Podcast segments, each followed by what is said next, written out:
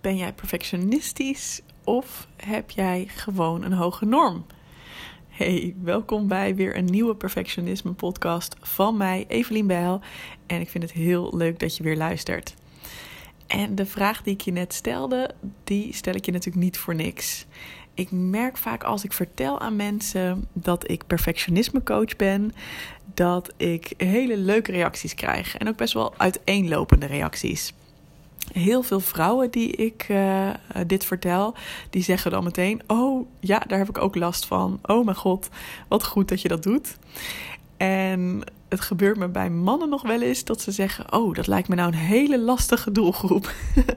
ja, want dat zijn natuurlijk mensen die ook helemaal niet willen veranderen. En dat zijn ook mensen die zelf het idee hebben dat ze het allemaal uh, helemaal goed doen. En dan moet jij ze gaan vertellen hoe ze het anders moeten doen. Nou, dan moet ik altijd smakelijk om lachen, omdat ik dan denk: Nou, volgens mij weet je dan ook gewoon niet wat een coach doet. Maar dat even terzijde. Um, het zou wat zijn als ik de hele dag bezig was met mensen vertellen hoe ze hun leven moeten leiden. Tuurlijk, ik geef wel adviezen en tips, maar hè? ik, vind het wel, uh, ik vind het wel een komische reactie. En vooral ook dat idee van, oh, dat zijn vast hele lastige mensen. Nou, dat valt allemaal reuze mee. Ik heb allemaal hele, hele leuke cliënten en deelnemers. En um, uh, ja, eigenlijk zijn perfectionisten helemaal niet zo over één kant te scheren op die manier. En ik merk gewoon, hè, nog even los hiervan, uh, ook dat ik zelf heel lang misvattingen heb gehad over wat perfectionisme wel is en wat het niet is.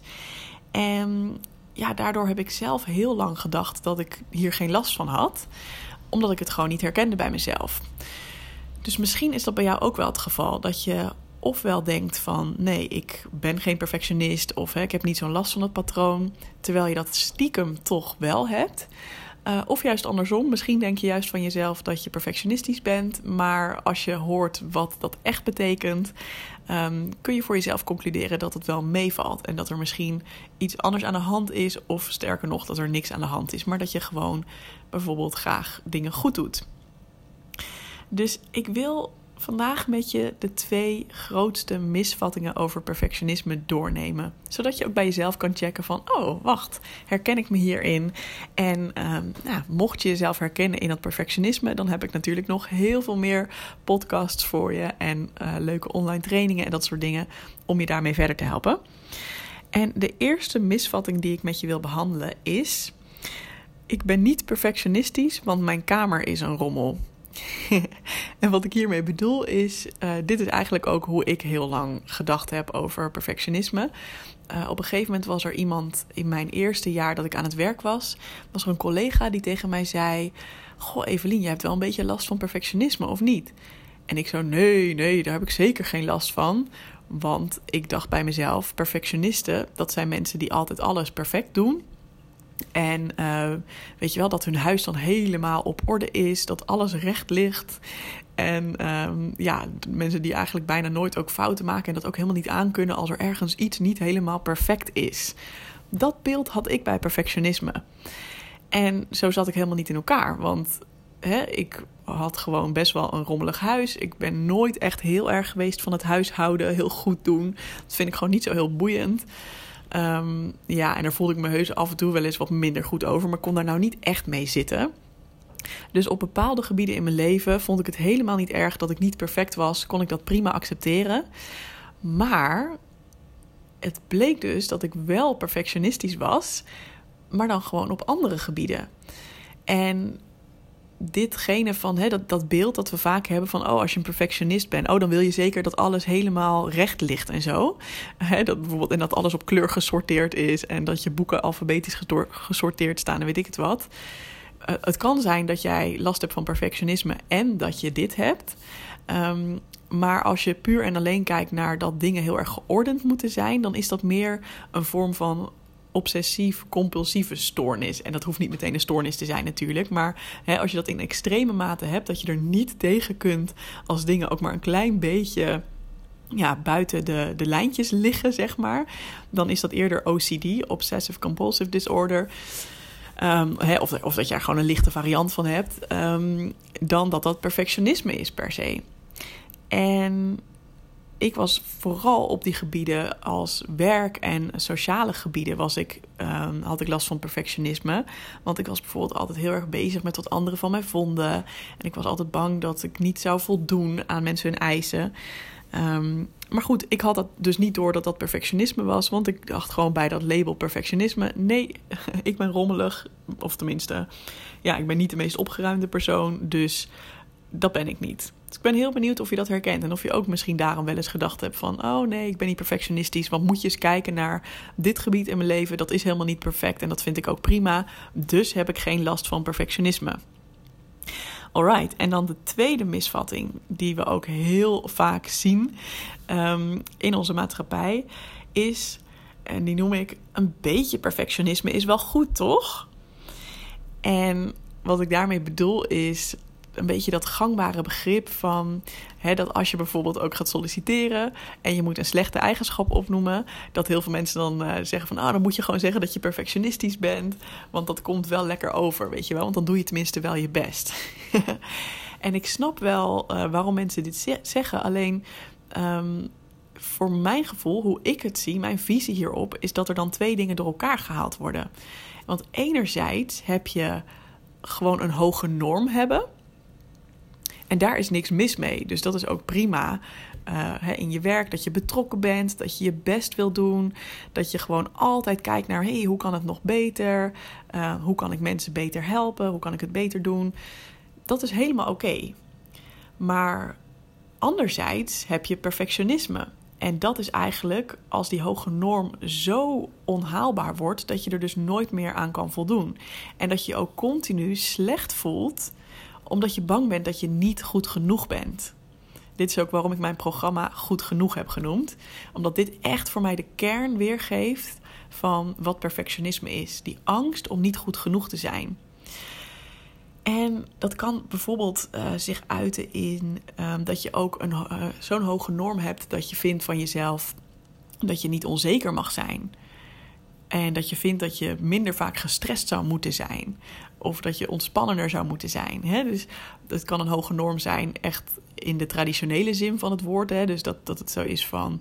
Um, ja, ik moet mijn werk heel goed doen. Of ik moet een goede vriendin zijn. Of ik moet een goede moeder zijn. Of een goede partner. Of wat dan ook. Een goede dochter. Um, dat, dat is natuurlijk, hè, als je daar hele hoge normen in hebt die gewoon onhaalbaar zijn, dan is dat ook perfectionisme. Maar het kan dus ook heel erg dat emotionele perfectionisme zijn, waar ik het altijd over heb. Dus dat je van jezelf standaarden hebt voor hoe jij je zou moeten voelen. Uh, omdat je ook denkt, ja, dat is toch heel normaal dat je gewoon relaxed voelt en uh, hè. Maar dat dat eigenlijk onhaalbare standaarden zijn. Omdat je van jezelf eist dat je je nooit eens een keer rot voelt. Um, hè, of nooit eens een keer een onzekerheid ervaart. Nou, als je dat hebt en je dus heel erg herkent in dat gevoel van: oh ja, ik ben continu bang tekort te schieten. Ik ben continu bang om te falen, om fouten te maken. En dat dat je heel erg belemmert in je leven, dan noem ik het perfectionisme. Dus daarom word ik altijd een klein beetje cringy als iemand zegt: Oh, een beetje perfectionisme is wel goed, toch? Want dan denk ik, ja, ik denk dat je bedoelt een hoge norm hebben is wel goed. Want daar is natuurlijk inderdaad niks mis mee. Maar omdat voor mij dat woord perfectionisme zo samenhangt met zelfkritiek, soms zelfs zelfhaat, um, ja, jezelf niet accepteren, denk ik van ja, daar is echt letterlijk nog nooit iemand beter van geworden. Waar je wel beter van wordt, is inderdaad een hoge norm hebben. En gewoon eerlijk en oprecht naar jezelf kijken van... hey, hoe kan ik dit beter doen? hey, ben ik hier uh, hè, redelijk geweest naar anderen? Heb ik, uh, kan ik hier nog ja, van leren, zeg maar? Daar word je natuurlijk beter van. Dus dat, dat, hè, sommige mensen noemen dat ook zelfkritiek. Ik noem dat meer gewoon zelfreflectie. Gewoon naar jezelf kijken en dingen beter maken. En dan niet vanuit die zelfhaat van... oh, ik ben niet goed genoeg en daarom moet ik het beter doen. Maar veel meer vanuit een soort van positief zelfbeeld. Um, van ja, je weet dat je waardevol bent, maar dat wil niet zeggen dat je nooit iets kan leren of iets beter kan doen. Of dat je nooit meer je best hoeft te doen. En dit is ook wel interessant, omdat heel veel mensen hierdoor dus ook bang zijn om hun perfectionisme los te laten. Want ze zijn dan ook bang dat ze vervolgens heel erg lui zullen worden. Of weet je wel, nooit meer um, naar zichzelf zullen kijken. Want hè, die zelfkritiek, die houdt je toch juist ook lekker scherp. En ja, wees gerust. Je kunt heel erg uh, veel leren, heel erg open naar jezelf kijken en heel erg veel sneller ook jezelf verbeteren.